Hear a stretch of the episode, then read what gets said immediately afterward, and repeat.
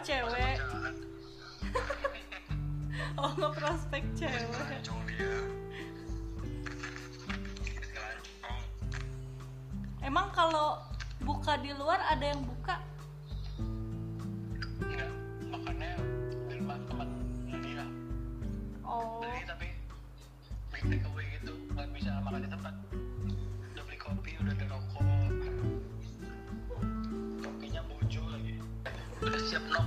Nongkrong virtual.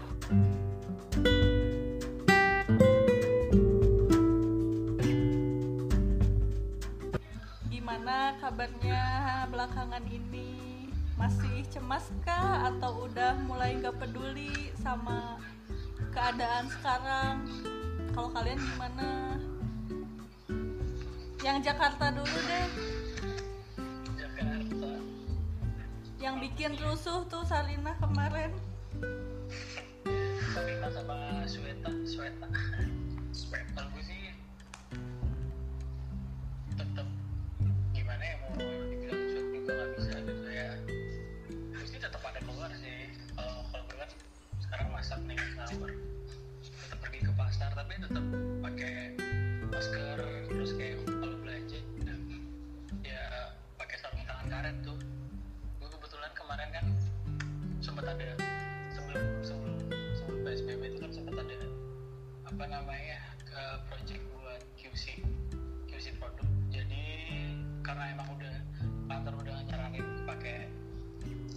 Latex ya? gitu sih. Udah gue ambil buat kalau misalnya gue transaksi sama orang di pasar atau di supermarket gitu ya udah pakai aja tetap Tapi itu Cuma kan ya?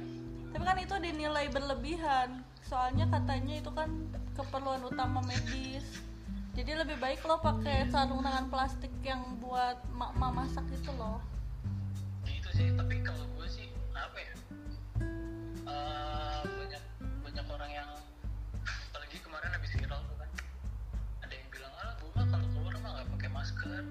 iya si beauty vlogger yang introvert kalau gue mah nggak pakai masker gue juga kalau makan mah ya udah tinggal makan aja gitu nggak usah cuci tangan gitu kan jadi gimana ya ya salah sih menurut gue menurut Ya. gue itu karena ya apa ya ya itu nambah cemas sih soalnya kan jadi orang mak- makin cemas juga.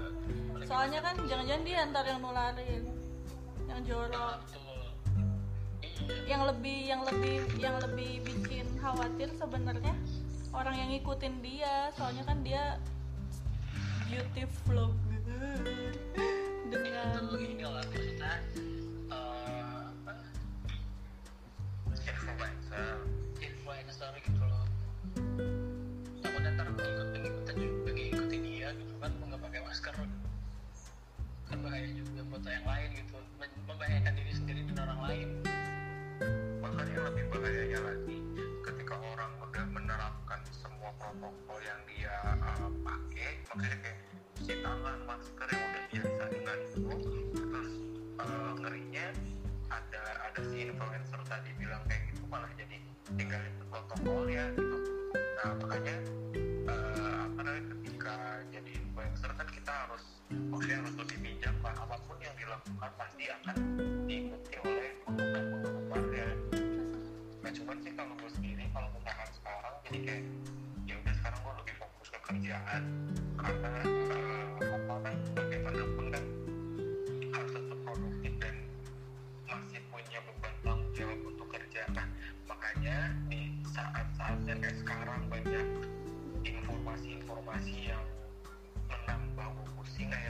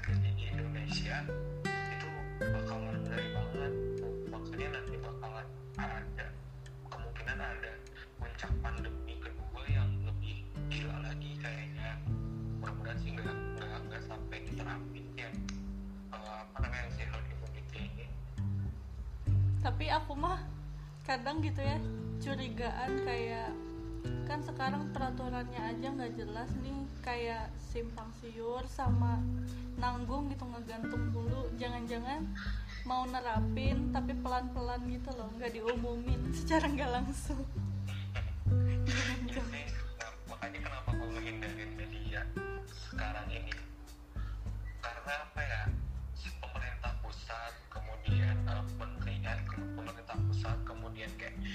DPR kemudian pemerintah daerah itu nggak sinkron. Gitu jadi akhirnya setiap uh, apa setiap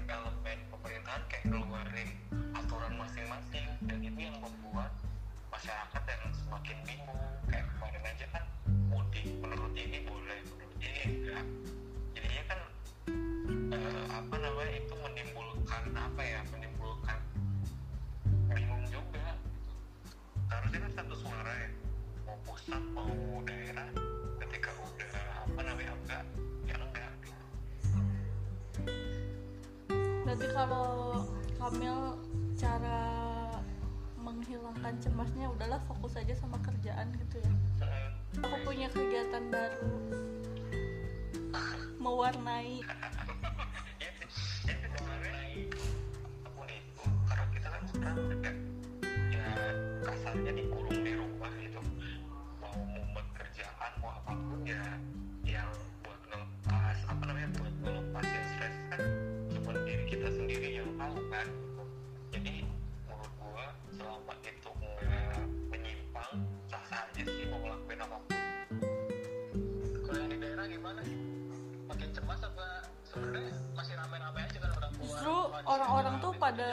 pada biasa aja. Nanti kan mungkin karena alasan ekonomi jadi bakal dibuka tapi pakai protokol-protokol mungkin kayak gitu. Ini kayaknya bulan Juni udah mulai normal sih. Ya udah mulai habis lebaran ya. Cuman masalahnya yang tahu dirinya banyak enggak maksudnya kan kalau gue lihat meme-meme di Instagram tahu nggak sih meme meme yang ini? Kursi kursi umum kayak di puskesmas gitu. Kan biasanya dikasih jeda kan satu x satu x gitu kan. Nah ini tuh diturutin x-nya tuh nggak diisi tapi di yang satunya ini didudukin dua sampai tiga orang gitu kan. Nah nah tuh nah terkait sama new, nor- new normal tadi ya untuk beberapa orang itu masih kayak mikir kayak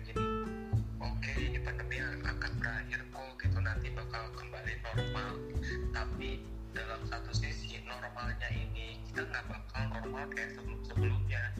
Dan sekarang kan salah satu salah satu contohnya kayak semua apa pun kegiatan beralih ke online kan? Mau itu mau itu belajar mau itu kerja mau itu eh, apa namanya jual beli gitu. Dan sekarang bakal balik ke eh, apa namanya ke online gitu Nah, justru mungkin nanti pun bakal ada hal-hal yang lebih apa ya? Lebih apa namanya? Lebih menunjukkan lagi mungkin gitu. Nah, cuman ya itu beberapa orang bakal apa namanya masih belum sadar bahwa new normalnya di sini tuh kalau menurut gue nggak bakal normal kayak kayak normal kayak sebelum sebelumnya lagi. Makanya kan new normal di sini bakal kayak keluar gitu, kita masih harus masih sering menggunakan. Nah apakah harus masih sering cuci tangan? Dan mungkin di satu sisi juga ya, kita kita ini bakal hidup berdampingan dan emang harus siap hidup berdampingan dengan virus ini. Gitu nggak cuma Jadi lah ya. Nah cuman sama ya cuman balik lagi apa namanya semua orang itu nanti harus aware dengan protokolnya sih kalau kita bakal kita kan mau nggak mau harus berdampingan itu nih dengan si virus ini. Cuman di satu sisi mereka juga harus menjaga kesehatannya masing-masing gitu. pasti banyak banyak banyak lahir service design baru gitu. Kayak misalnya eh, di start di restoran gitu ya contohnya. Di shop shop apa coffee shop atau di restoran pasti bakal bakal ada nggak tahu sih gue mikirnya pasti ada langkah baru gitu. Mereka kan pasti berdamai juga pasti kan sama virus ini. Pasti ntar ada aja inovasi service design yang pasti. kita nggak tahu nih sekarang. Iya kan? Pasti kan sekarang banyak yang eh, ambil sendiri habis ini self service gitu gitu nah ya mungkin nih ke depannya kayak nggak tahu di restoran atau di coffee shop nanti nggak tahu sih orang-orang bakal pakai tumbler sendiri mungkin yang nggak tahu sih. Nah pasti banyak banyak ini sih ide-ide baru lagi gitu. kaitannya sama yang kaitannya sama yang tadi kan si apa si covid ini eh, satu gelombang yang sebenarnya masih ada gelombang yang lebih besar untuk mengancam kita tuh kan si krisis iklim. Berarti harusnya tuh saling berkaitan gitu dengan adanya kejadian ini tuh kayak tadi misalnya orang-orang jadi bawa tumbler sendiri itu kan juga mendukung isu lingkungan gitu. Terus kayak self service ngurangin sampah gitu-gitu deh harusnya sih. Karena kan harusnya sih. kan jadinya ya gitu orang jadi lebih apa ya kayak aduh udah deh mending gue sendiri daripada pakai piring restoran takutnya kan cucinya nggak bener karena bekas orang lain gitu kan. Bawa sendok sendiri bawa sedotan sendiri. Karena kan sekarang orang lebih aware gitu sama eh, apa sih namanya kebersihan gitu harus higienis lah harus. Tapi beauty vlogger nggak sadar loh.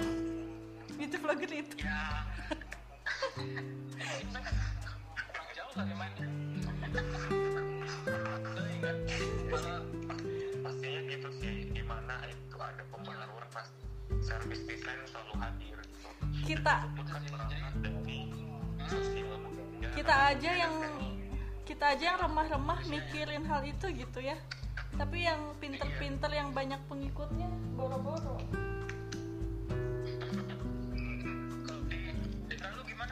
Masih ramai nggak? Sekarang yang lagi viral itu penutupan tempat salah satu tempat perbelanjaan di Cikarang tuh yang sebelumnya dari awal dan Mei buka terus kemarin langsung ditutup gara-gara ada pembludakan pelanggan yang ini yang tempat tongkrongan baru. Iya. Oh kirain living kirain living plaza. Nggak apa-apa ntar gue cut. Jadi gue kemarin juga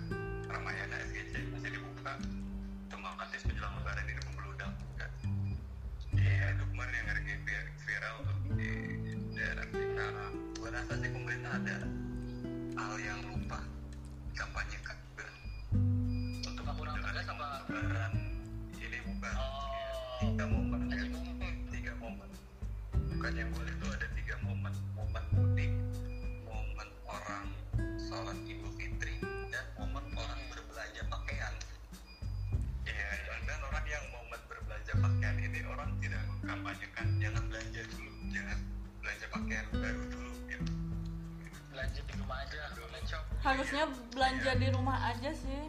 Kayak soalnya kan pasti si produsen baju juga bingung kalau dia nggak laku. Tapi harusnya mulai nyediain yang online online. Aku nih nah itu. ngecek shopee salah satunya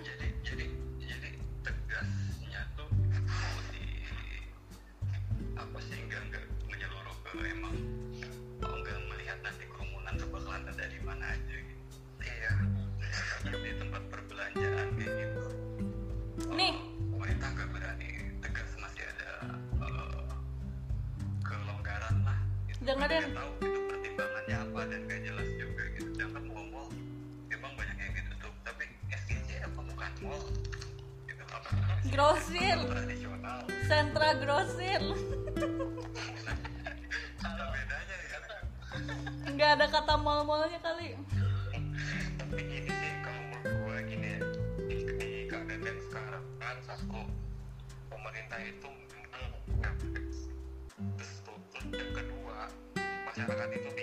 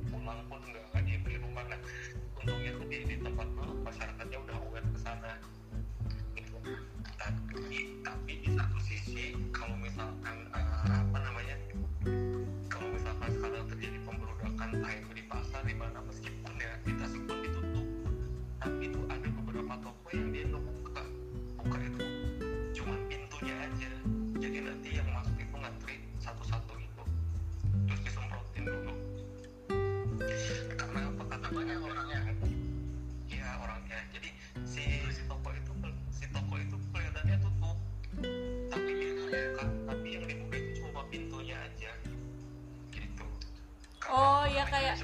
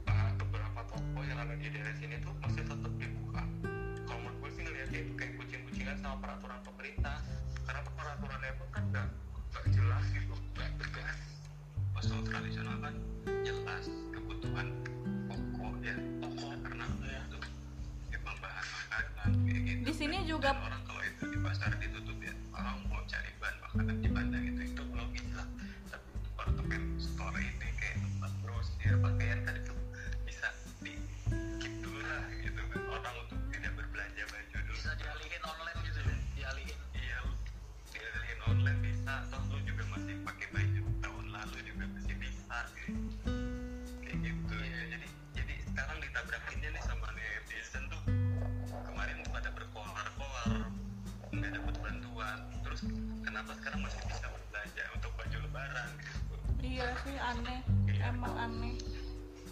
Tapi gini sih uh, apa namanya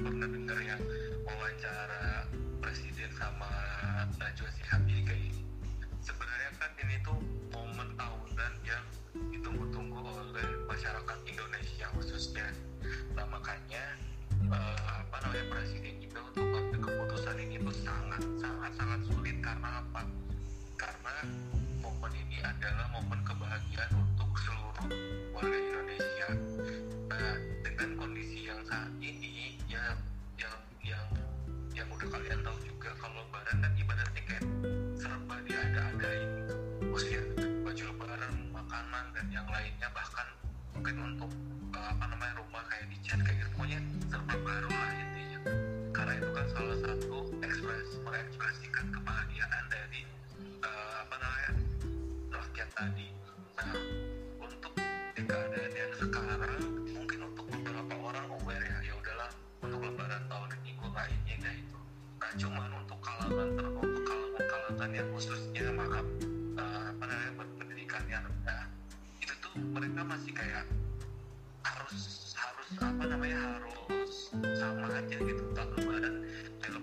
harus ada ini harus ada ini harus ini dan makanya kan dengan ketidakjelasan aturan pemerintah jadi ya apa namanya Masih jadi banyak pada yang- bagi gitu. masih banyak yang maksain lah ya buat memenuhi kebutuhan itu. Hmm, sebenarnya eh, kebutuhan dan keinginan sih sebenarnya. Keinginan ya keinginan sih. Kalau menurut gua sih pasar oke lah tetap buka cuman harusnya diatur misalkan minggu ini untuk kebutuhan pakaian saja maka pasar boleh buka minggu selanjutnya untuk kebutuhan pokok aja atau minggu selanjutnya kalau kebutuhan daging dan buku aja gitu.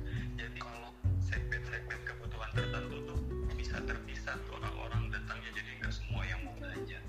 Kebutuhan pokok makanan daging sampai orang yang mau beli baju semua berbarengan gitu.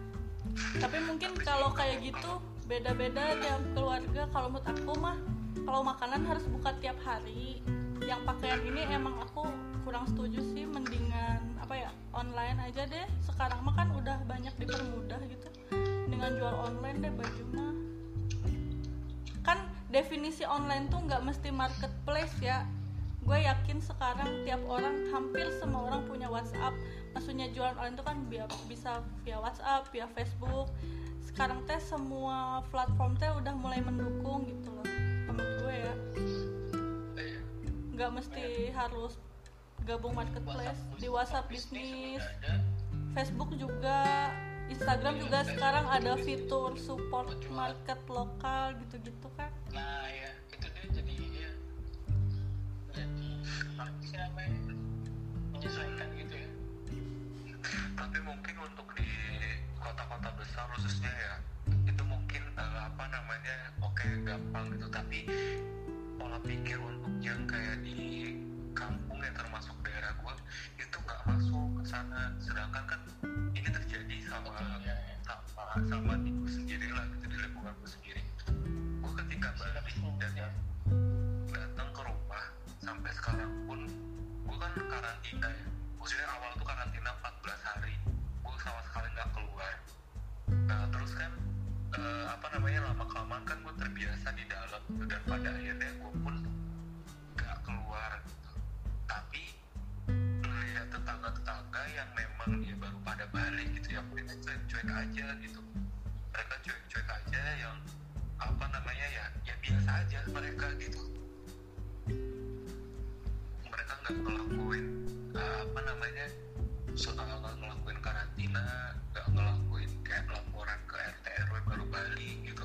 Mungkin ini mah ke apa namanya namanya uh, apa namanya keunikan dan keanekaragaman COVID di Indonesia. Tadi mau ngerespon yang Bang Kamil bilang kalau misalnya di daerahnya Bang Kamil tuh masih masyarakat sebelum melengah itu sebenarnya kayak bisa jadi PR pemerintah gitu buat nyelesain masalah utama di Indonesia yaitu kesenjangan sosial gitu. Itu itu PR besar sih Fit. Soalnya masih berarti kan ketahuan tuh kan belum rata nih belum rata. Kita terlalu dicekokin teknologi tapi nggak mencoba rata gitu. Jadi kayak mungkin sebagian orang juga kayak ya udah gitu. Pasar masih buka gue pasar aja. Terus mikirnya kan kalau misalnya eh, online pasti ada ongkir terus barangnya kita nggak bisa lihat fisiknya ntar sayurnya busuk lah buahnya busuk gitu kan. Masih ada kayak iya. apa ya pertimbangan gitu masih banyak pertimbangan buat masyarakat tuh buat beralih darinya yang tadinya itu beli ya offline gitu ya. Dan langsung datang ke tempatnya buat beralih ke online gitu. Karena ya aja sih hmm, kalau di masyarakat yang ada di daerah gitu. Masih banyak kesenjangan sosial sih Jabodetabek mungkin mereka terbiasa ya maksudnya kayak GoFood lah atau apa. Tapi kan di sini ada Hmm, tapi di satu sisi juga gue mikirnya gini ya kenapa orang-orang berpendidikan gitu maksudnya yang di kampung ya ya kayak gue gitu maksudnya yang paham atau apa bukan males ya greget banget buat nyampein gitu. Mungkin harus ini sih harus kolektif emang kalau kerja sendiri berat jadi harus ada kerjasama dengan siapa? Ya, makanya gue cuma nyampein informasi ya ya udahlah keluarga deket gue aja gitu. Kayak dulu kan kayak awal-awal kayak untuk tingkat terus konsumsi jahe air jahe kayak gitu gitulah nah itu paling yang yang dilakuin itu yang terdekat aja kalau keluarga terdekat gitu. Karena itu yang yang mudah dijangkau dan gak akan menyinggung itu sekalinya menyinggung pun kan masih mudah untuk diselesaikan ya. Tapi kan beda kalau untuk ke tetangga jauh apalagi itu kan nanti malah nyebabin konflik juga. Dan yang anehnya kalau di kampung kan masyarakat itu lebih menganut kepada tokoh agama ya. Mm. nah yang bikin Di daerah tertentu sih. Hmm, yang mau gregetnya ada itu. Tokoh agama. Hmm, yang gregetnya itu itu nggak menyampaikan protokol-protokol yang udah dikasih pemerintah gitu.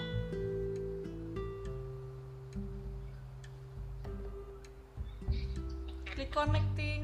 Sinyalnya tadi pada kena oh jangan bahas agama ya sensitif. Lupa. Dih. Collecting nggak jadi ah jangan bahas itu. Sensitif langsung reconnecting sinyal Nah, maksudnya bukan masalah bukan masalah hadis atau apanya ya nggak mesti gini bukan dan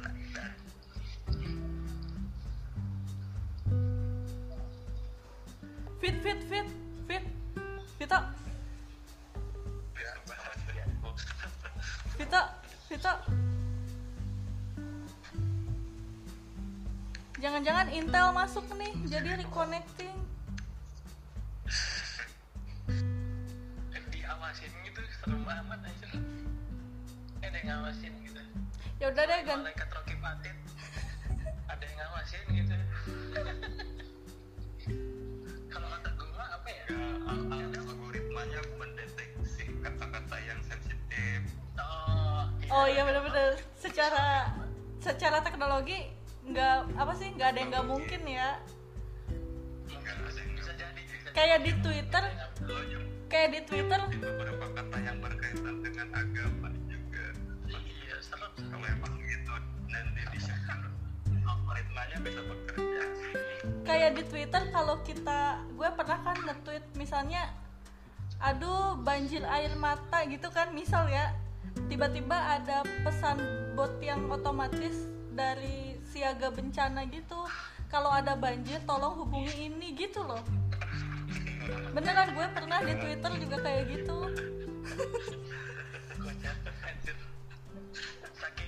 Ya gitu iya. Lah ini kan ganti topik. Ini kan ada dua kubu yang lebaran sama orang tua. Romli kan maksudnya nggak mudik ya orang situ. Si Kamil udah mudik. Gue sama Vito nggak mudik. Jadi itu memang nggak diakuin di kampung halaman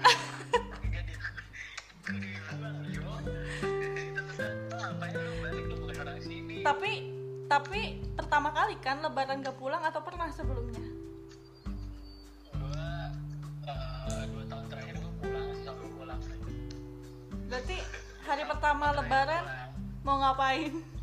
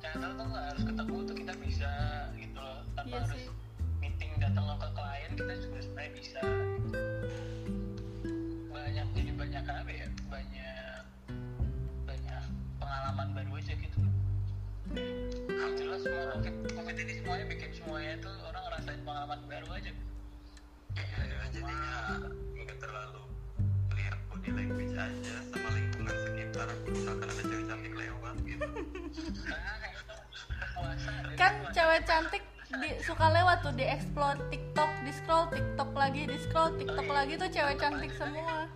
Lewat mulu, Rom. Iya, kan kalau di luar lebih bisa mengekspresikan diri gitu. Oh, bisa gini ya, bisa suku gitu. Eh, punya koko baru kan mau bukber dipakai gitu kan. Kita punya apa gitu kan. tapi tapi budaya budaya mudik tuh sebenarnya bukan budaya kita tuh India juga punya. oh ini juga bukan budaya mudik kita bukan cuma di kita ya Bukan cuma di kita. Deh. Balik lagi ke tadi Fit, kata lu kece- kesenjangan sosial mudik terjadi karena kan kota sama desa tuh pendapatannya jauh. Jadi orang desa ke kota gitu, orang kota jadi nyambung balik nyambung sebenarnya. Makanya kata gue itu PR ya PR besar dari zaman dulu. Pemer- pemerintah dulu udah bikin urbanisasi. Tapi kan kalau kita nonton video watchdog yang lahan-lahan urbanisasinya malah dipakai tambang. Jadi tidak solutif yang udah dibuat dari dulu malah digituin. Gak kelar-kelar kesenjangan sosialnya. Sekarang mah jangankan sendiri sendiri jangankan desa ke kota eh, imigran justru ada dari pasar bebas efek pasar bebas Cina Korea juga masuk sini kerja di sini Hmm, yes. Jadi mungkin nambah saingan. Apa ya? Gue sih sebenarnya nggak masalah sih mau mudik atau enggak karena ya karena udah diusir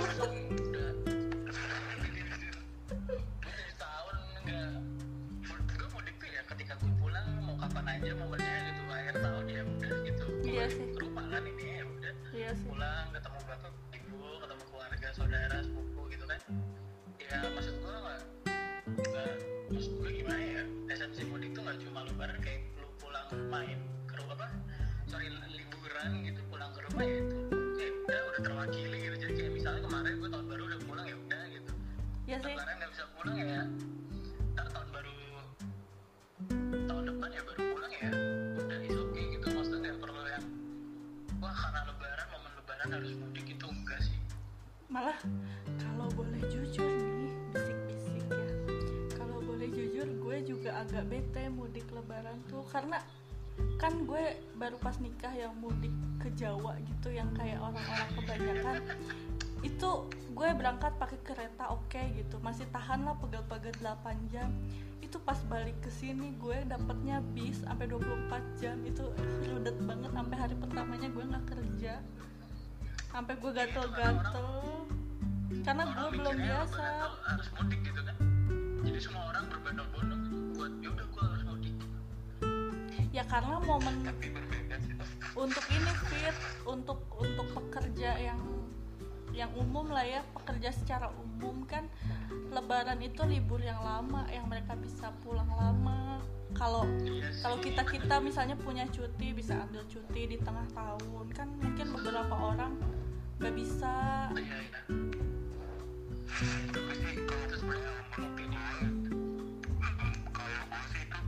Momen wajib gitu. Karena di satu sisi di lebaran itu banyak yang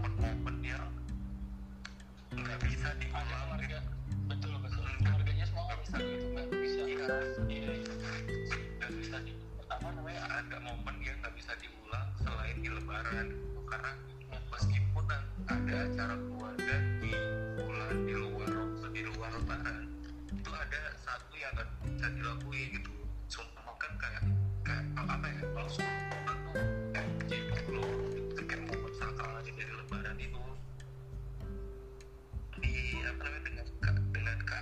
sekarang ya si apa namanya apa pun kan eh, from home itu ada beberapa eh, apa namanya habit baru gitu. Jadi gini mungkin kalau misalkan kita kerja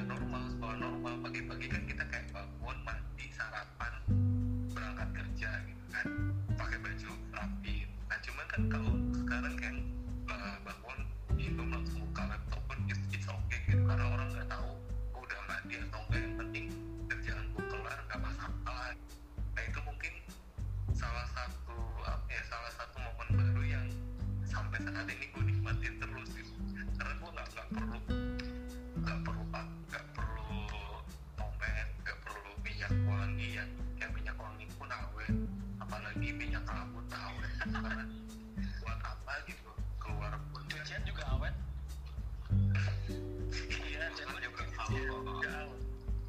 bahkan juga pakai pakaian baju atasan doang juga jadi ya tanpa harus pakai celana Iya. Gue kalau meeting kalau conference di kantor juga baju aja udah baju kemeja bawa kolor juga. jadi sekarang ngurangin kerjaan mereka ngurangin kerjaan si terus ngeluangin ngurangin pengeluaran juga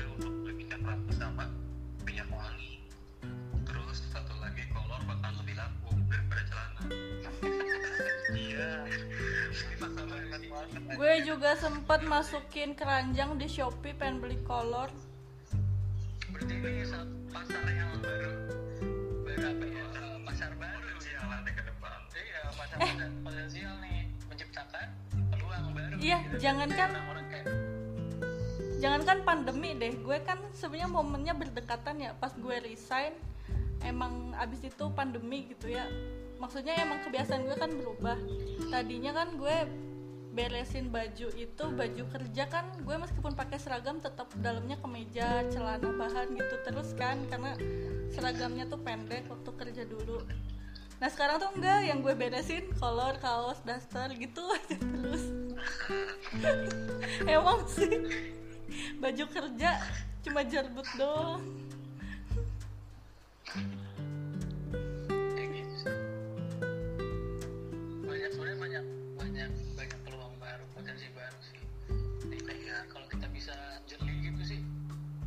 Mungkin dari alat-alat kesehatan kali ya yang terlalu yang kita tuh sekarang jadi melek gitu sama alat kesehatan banyak desain-desain. Jadi banyak apa sih eh, brand-brand pada bikin masker, ya bikin masker dan kalau kita lihat teknologi masker dari dulu ya gitu-gitu aja masker ya warnanya hijau gitu masker yang itu yang buat medis. Ya mas ada masker kerudung mungkin nanti bakal ada masker itu kan yang aku pakai kemarin. Enggak sekarang kan sebenarnya ya ada maskernya gitu kan ya kayak yang kemarin aja kerudung.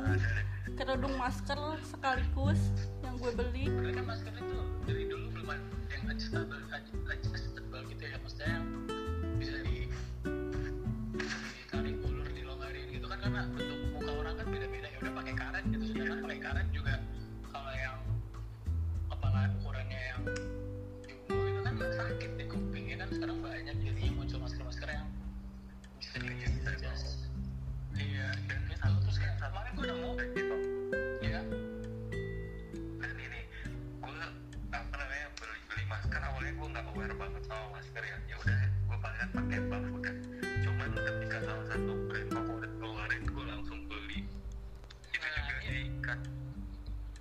ya sebenarnya si brand-brand fashion ini eh, mereka tuh apa jualan masker atau hand sanitizer tuh sebenarnya inovasi karena biar bisnis mereka tetap hidup. Kan misalnya kebutuhan fashion baju gitu lagi nggak terlalu penting jadinya dia jualin masker kayak gitu. Itu salah satu bentuk inovasi. Ya mungkin dari gadget juga bisa Ya, telepon ada maskernya gitu gimana tuh? Pasti kak? Pakai airbus oh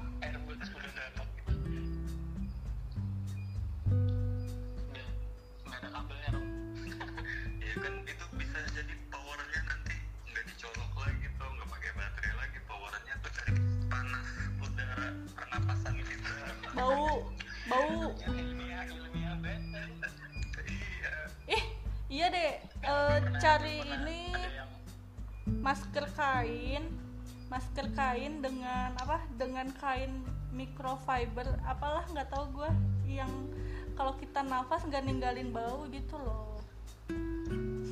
Oh iya udah ada belum ya? Atau gue belum tahu? Nggak puasa juga bau fit. Kalau nafas gitu terus. Nyambung nyambung ya. Ini kan ada salah ada apa namanya ada sumber mengatakan yang strategi pemasaran. Di kala produk bisnis yang benar kayak tadi. Jadi juga jangan cuma hanya berjualan gitu. Jadi tunjukkan dukungan di saat konflik ini. Jadi setiap brand sebenarnya untuk bertahan biar dia tetap apa namanya tetap bisa bertahan gitu. Ya salah satunya yang tadi yang ngeluarin masker lah maksudnya ngeluarin alat-alat kesehatan yang salah satu tujuannya dari strategi yang mungkin eh, apa namanya ya jangan hanya berjualan jual aja gitu tapi dia nunjukin juga dukungan gitu. ketika kita beli produk dari salah satu brand fashion dan kita pun kadang pada gift sanitizer uh, masker mungkin sarung tangan gitu. dan itu ada beberapa apa nama brand yang udah ngelakuin apa namanya melakukan hal-hal itu dan itu salah satu dari strateginya mereka yaitu cara mereka bertahan eh pernah mikir gak sih kalau apa sih hazard suit yang apa sih baju yang buat para tenaga medis itu? Oh, hazmat suit itu materialnya apa sih? Plastik ya? Atau ini eh, kan. Kalau gue gue pernah baca sih cuma kalau yang dipakai sama ini bukan buat medis sih. Gue pernah baca yang buat ini ya kimia kimiawan kimiawan. Eh, dia itu pakai Tyvek tau Tyvek kan no. Tyvek itu kayak kertas tapi di tangan air gitu. Jadi anti droplet gitu. Karena kimia juga kan dia harus pakai itu tuh pelat pelindung diri juga. Karena takutnya ntar nyiprat atau gimana gitu kan. Sebenarnya fungsinya sama supaya mencegah si tetesan kimianya tuh nggak mengenai badannya langsung gitu kan. Nah itu tuh waktu itu Ini Tyvek itu kok cuma pernah nonton konser itu kan sering ada gelang-gelang konser tuh yang nggak bisa sobek tuh kan ya oh ya ya kan gelangnya nggak bisa sobek terus tahan air kalau lu pakai lu keringetan lu besok kayak misalnya nih lu belinya tribebas terus misalnya gelangnya cuma satu terus dipakai tiga hari berkali-kali sambil bawa mandi itu masih aman itu pakai Tyvek enggak gue ra- random aja sih kepikiran. Kan eh, pemakaiannya bener-bener habis ketemu pasien harus ganti. Itu sampahnya gimana ya? Nggak tahu sih kalau Tyvek ini banyak kertas tahu ya apa bisa didaur ulang atau enggak. Cuma ya pasti banyak nih sekarang yang lagi riset bahan-bahan untuk yang untuk yang tenaga medis atau ya. Tyvek sih setahu gue kalau yang buat kimia ya tapi kalau untuk medis nggak tahu sih semacam bahan kayak terpal gitu intinya jangan Bahannya sampai jangan sampai tahan eh tahan droplet jangan sampai nembus gitu ya. Iya, Syarat utamanya apa itu ya? bahan nylon yang seratnya tuh padat nggak bisa nyerap air nggak berpori-pori. Iya gitu semacam type kalau gue sih pernah riset ya type sih. Ya bukan terus kertas kemarin gue nemu apa? Bukan kertas uduk kertas nasi. Dibakar apa dibakar itu ya kalau maksudnya kalau udah selesai dipakai dibakar apa gimana sih? Ditumpuk. Itu Kali kan didaur ulang. ke limbah medis. Iya limbah medis. Nggak tahu apa ya. nah itu bisa aja lu kayak peluang lu kan banyak limbah medis mau lu apain? Ya tapi kan ada virusnya ngaco. Takut gue. Ada virus nih. Malah lu ya malah lu jual produk yang ada virus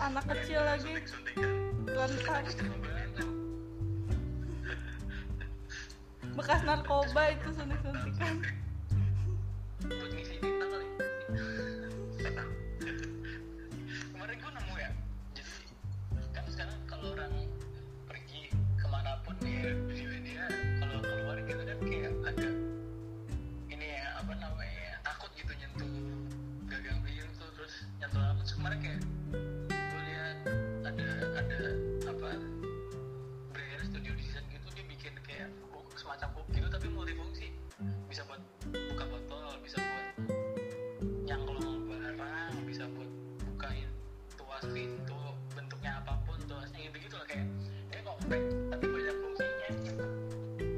Itu sih yang menarik. Pasti banyak muncul muncul apa ya? Uh, inovasi inovasi. uh,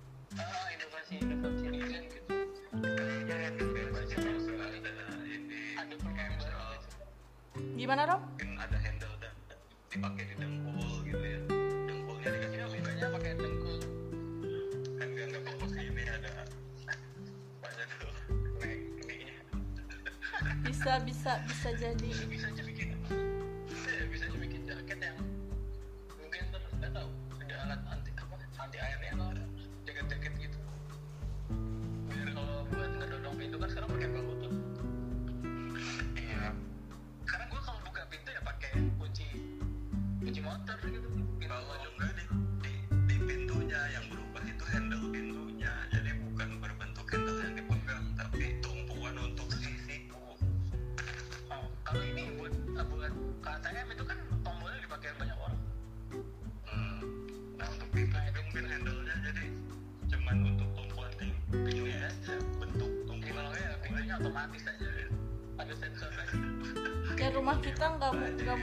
mungkin dirubah kayak gitulah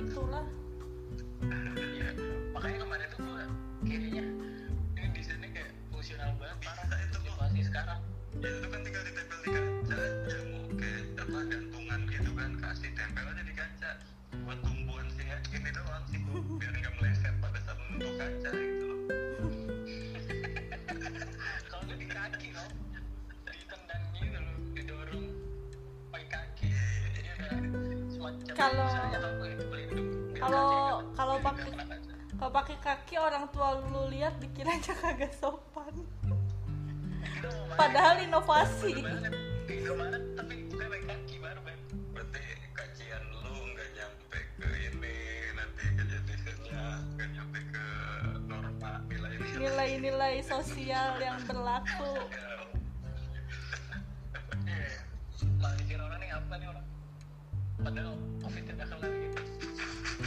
Karena dia terlalu preventif peluang-peluang bisa banget. Puasa bentar lagi ya nggak kerasa sebenarnya sih.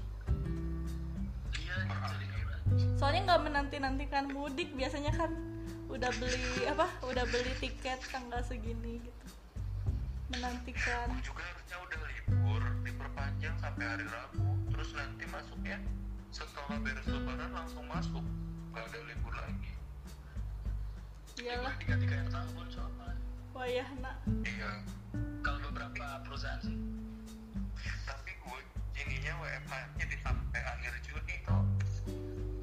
Oh iya. Kalau gue sih ikut pemerintah sih. Jakarta tuh udah kelar berarti ya WFH nya belum. Oh belum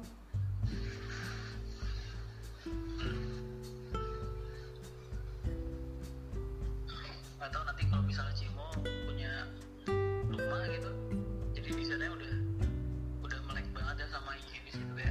Kalau kalau rumah? Nggak bersentuhan hampir nggak bersentuhan gitu sama barang Enggak, jujur gue tuh kalau gue duitnya cukup, gue pengen bikin tiny house tahu. apa? Pengen bikin tiny house. gimana rumah Rumah yang kecil. Iya, jadi gue gue pengen punya lahannya aja yang lumayan. Terus pengen rumah panggung karena gue takut banjir lama-lama. Kan lagi udah mulai climate krisis kan. Jadi gue takut yang yang dulunya daerah nggak banjir juga lama-lama bakal banjir jadi gue pengen rumah panggung beneran dah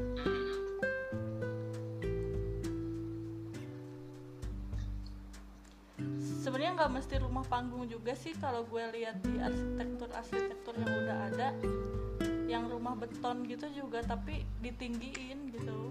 Terus bawahnya tuh ada bak penampungan air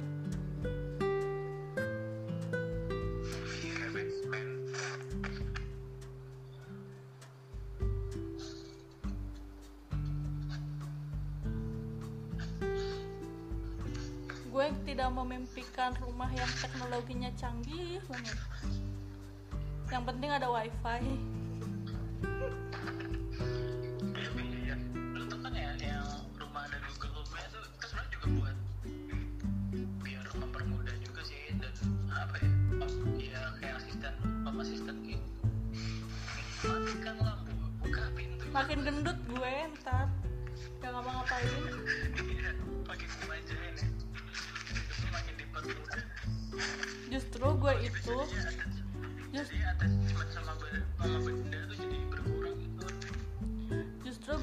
pingin pingin kembali ke eh, permakultur sistem.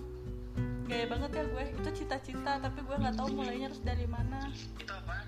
Permakultur sistem itu jadi eh, kita bikin ekosistem sendiri yang berkelanjutan di di tempat kita tinggal. Idealnya ya idealnya permakultur system itu kita punya rumah. Kita kan ada limbah nih limbah buang air besar buang air kecil itu diolah fit. Yang bisa jadi pupuk jadi pupuk. Kalau air wudhu misalkan cuma lewat doang didaur ulang lagi gitu loh. Terus air itu air itu jangan dibuang ke laut tapi dibuang ke tanah lagi. Karena salah satu penyebab banjir kan karena ta- da- apa tinggi tanahnya turun kan. Karena airnya diambil tapi nggak dibalik lagi jadi si tanah tuh terus turun turun turun. Nah ini tuh air tuh jangan sampai dibuang ke laut tapi dibuang lagi ke tanah daur ulang terus. Itu secara sistem air udah gitu kan tadi buang apa limbah buang air besar kita tuh bisa jadiin pupuk kita tanam-tanam tumbuhan tanam ta- apa piara-piara hewan ternak. Jadi untuk kebutuhan dasar eh kebutuhan dasar kita bisa eh, apa mandiri mungkin kebutuhan-kebutuhan khusus emang kita lah beli ke orang kayak beras misalnya kita nggak punya sawah gitu tapi sayur bumbu ternak ayam gitu tuh sendiri. Susah sih sebenarnya kayak gitu tapi paling enggak gue yang pengen tuh air sih biar tanahnya nggak nggak tergerus gitu. Pengennya gue kalau punya rumah tuh airnya bisa didaur ulang itu cita-cita terbesar yang nggak tahu kapan terwujud. Tapi setidaknya udah ada niat. Iya terus aku terus aku ya. aku juga nggak muluk yang pengen pengen punya kebun gitu. Enggak gue gue cuma pengen eh, tanamin bumbu aja deh. Bumbu suka mahal. Tapi di sini minta tanah dikiranya pengen tanah berapa meter. Maksud gue pengen tanah sekarung aja buat di pot. Nggak dibeli beliin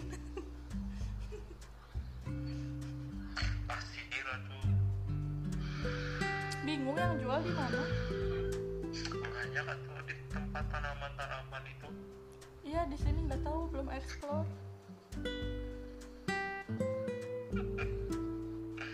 Rom nanti kalau udah nggak pandemi bawain tanah ke ke sini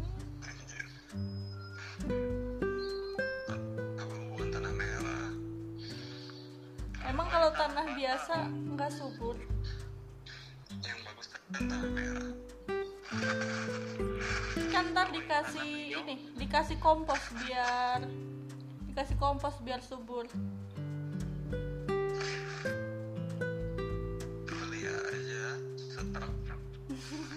taruh di mana? Gitu ya. Selama pandemi kan nggak ketemu sama orang langsung gitu. terus banyak main bukan main sih banyak apa kan aktivitasnya juga terbatas gitu nggak bisa apa-apa. Nih udah gua main ini kan aplikasi dating gitu kan. Anjay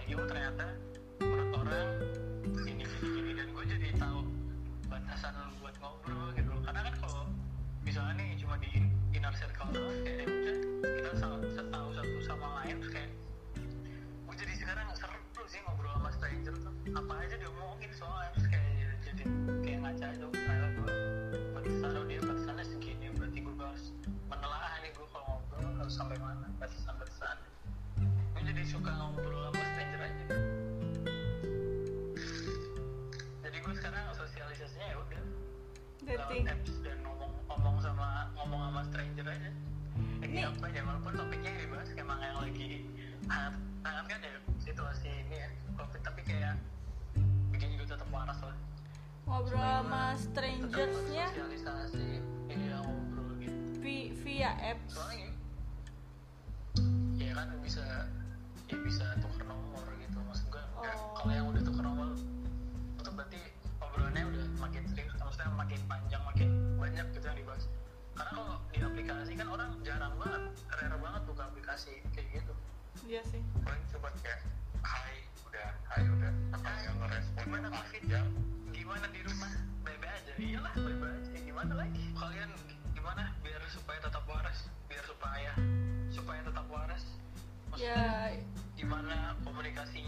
sama keluarga kan sama lagi kalau yang udah suami istri gimana? Buat jaga biar tetap waras ya kalau sama suami istri aktivitas kebutuhan utama jangan berubah tetap normal. Kagak lah. Jadi kebutuhan utama kan di, di dapur juga makanan harus tetap ada. Karena yang jualan favorit kita juga pada tutup kan kasur juga. Komunikasi. Sama keluarga. bukber sama temen SMA gitu virtual. Ya gitu ak- aku juga kan pertama eh, ini sering telepon sama kalian sampai bisa jadi podcast salah satu cara juga. Kan nggak pengen ngobrol-ngobrol doang pengen ada insight gitu kan. Sama teman SMA juga meskipun misalnya ngebahas drakor ya pokoknya tetap berkomunikasi sih sama keluarga pasti sering banget. Terus ya itu tadi kan aku nggak punya pekerjaan aku ya mewarnai salah satunya. Tapi lumayan sih mewarnai. Lumayan. Kalau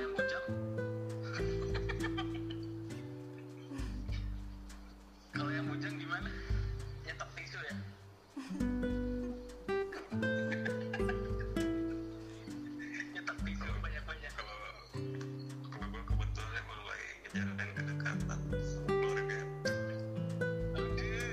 biar dapet restu ya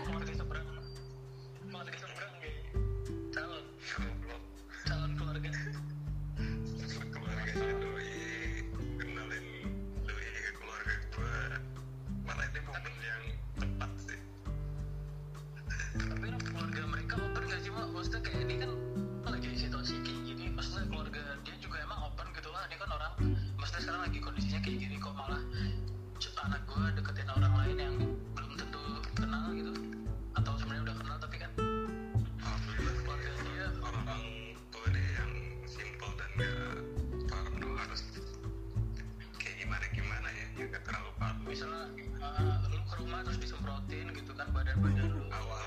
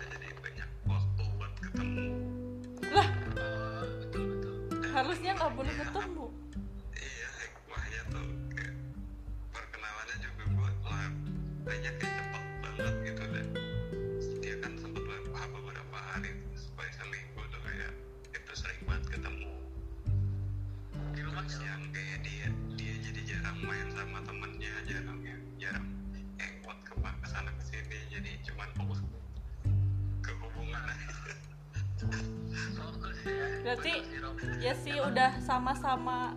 Kan gue sama Jalbut juga hitungannya cepet karena udah sama-sama ke arah situ. Jadi lancar aja prosesnya teh cepet.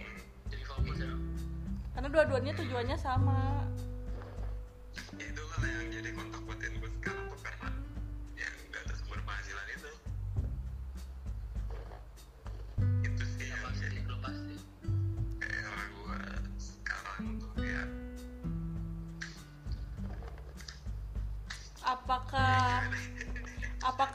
akan mencari alternatif sumber atau sabar aja sampai bisa kondisi baik? Di posisi ada beberapa planning setelah corona ini beres. Di samping selain gue yang nyari kerjaan baru juga. Ya itu gue coba buat beraniin pakai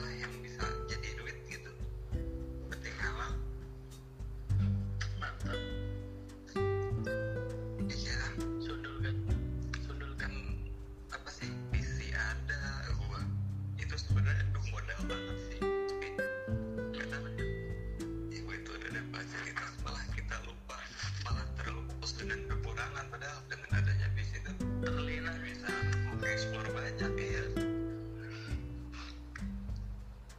gue gue sama kalian. Gue sama kalian dok ke kita. Itu harus invest itu deh harus apa? Harus punya aset lah ya. Harus harus invest di komputer. Yang speknya emang lumayan lah. Komputer suami nggak apa-apa kali ya satu aja ya aja nggak apa-apa minimal satu rumah ada gitu. lumayan sih speknya karena seneng main game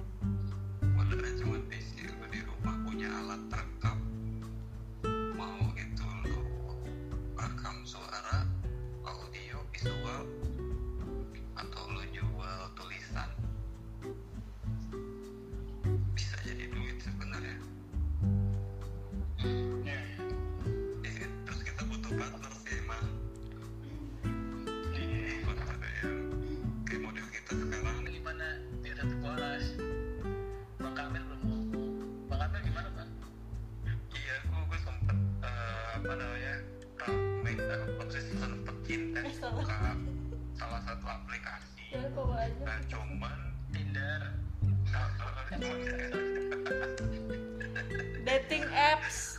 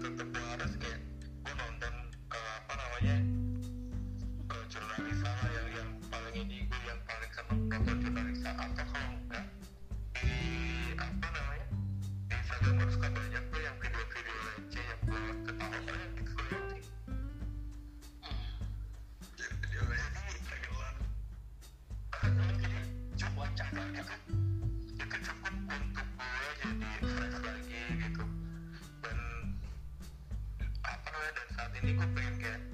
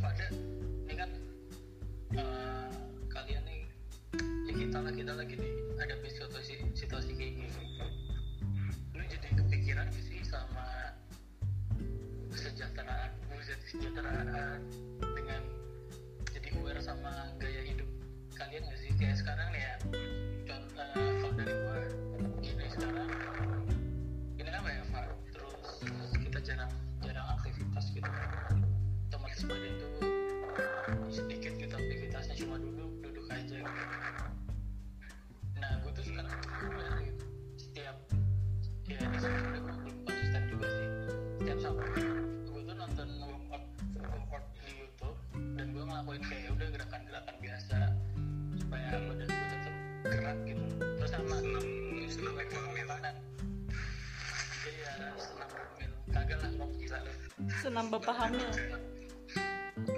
terus kadang jadi sama makanan apa apa yang gue juga gitu sekarang gue jadi kayak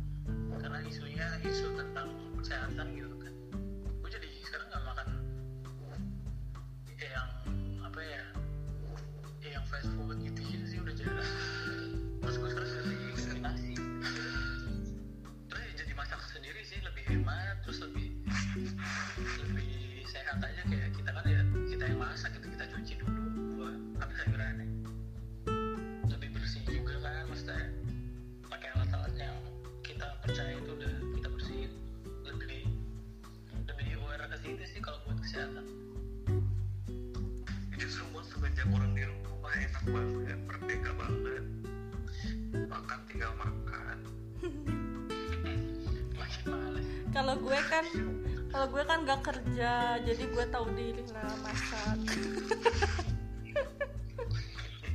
uang bulanan dapet terus jadi gue tahu diri.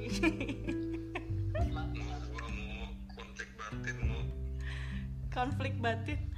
Ya kalau saran aku ya nggak tahu sih. Mungkin karena si corona ini nggak pasti kan kapan selesainya jadi harus cari alternatif sih. Jadi bukan kerjaan utama tapi alternatif. Jualan masker. Meskipun gue juga nggak bisa ngelakuin itu. Maksudnya itu contoh ya nggak mesti jualan masker alternatif.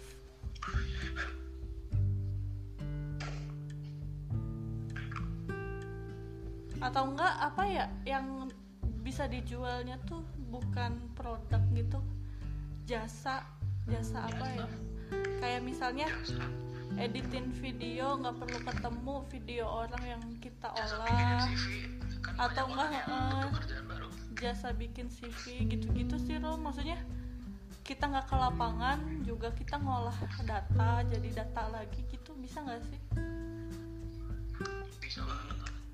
Atau enggak punya skill tinggal Iya freelance freelance gitu gue juga pengen nyari sih yang upload upload kerjaan gitu. Makanya eh, gue mau ngeditin podcast ini karena gue juga pengen ngasah apa ya ngasah skill aja sih maksudnya emang gak seberapa skillnya tapi maksudnya daripada diem banget gitu paling nggak ada kegiatan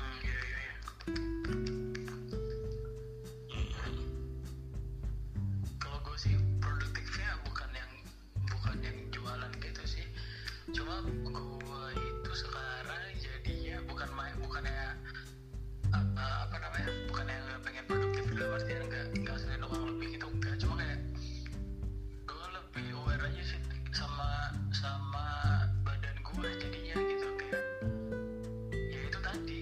Ya nggak nggak apa-apa it's a good things Ah, Maksudnya gue jadi aware sama lingkungan gue, sama barang-barang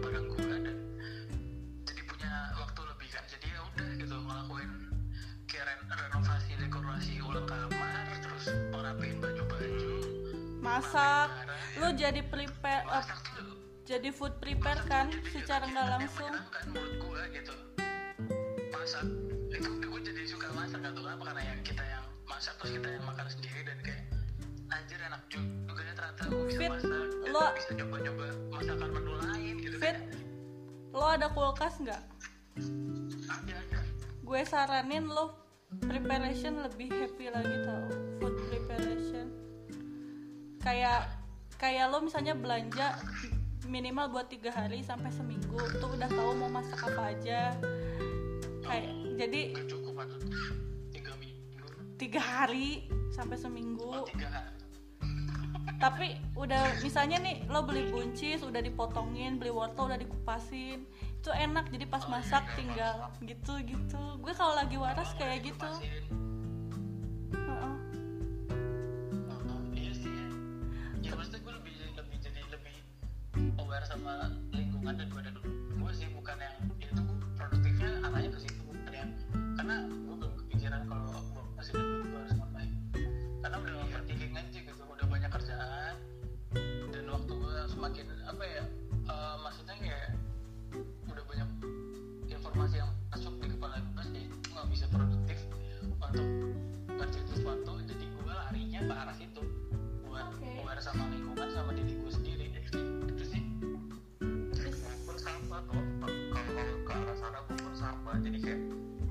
caranya tempat tempat gue buat diem itu lebih nyaman.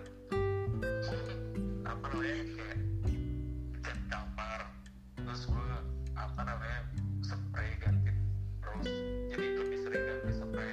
Bahkan sekarang kayak udah bos enggak lah paling dua minggu sekali. Tapi pernah seminggu sekali. Oh, lu gimana dong? Lu lebih produktif nih? Hasilin duit apa? Lebih produktif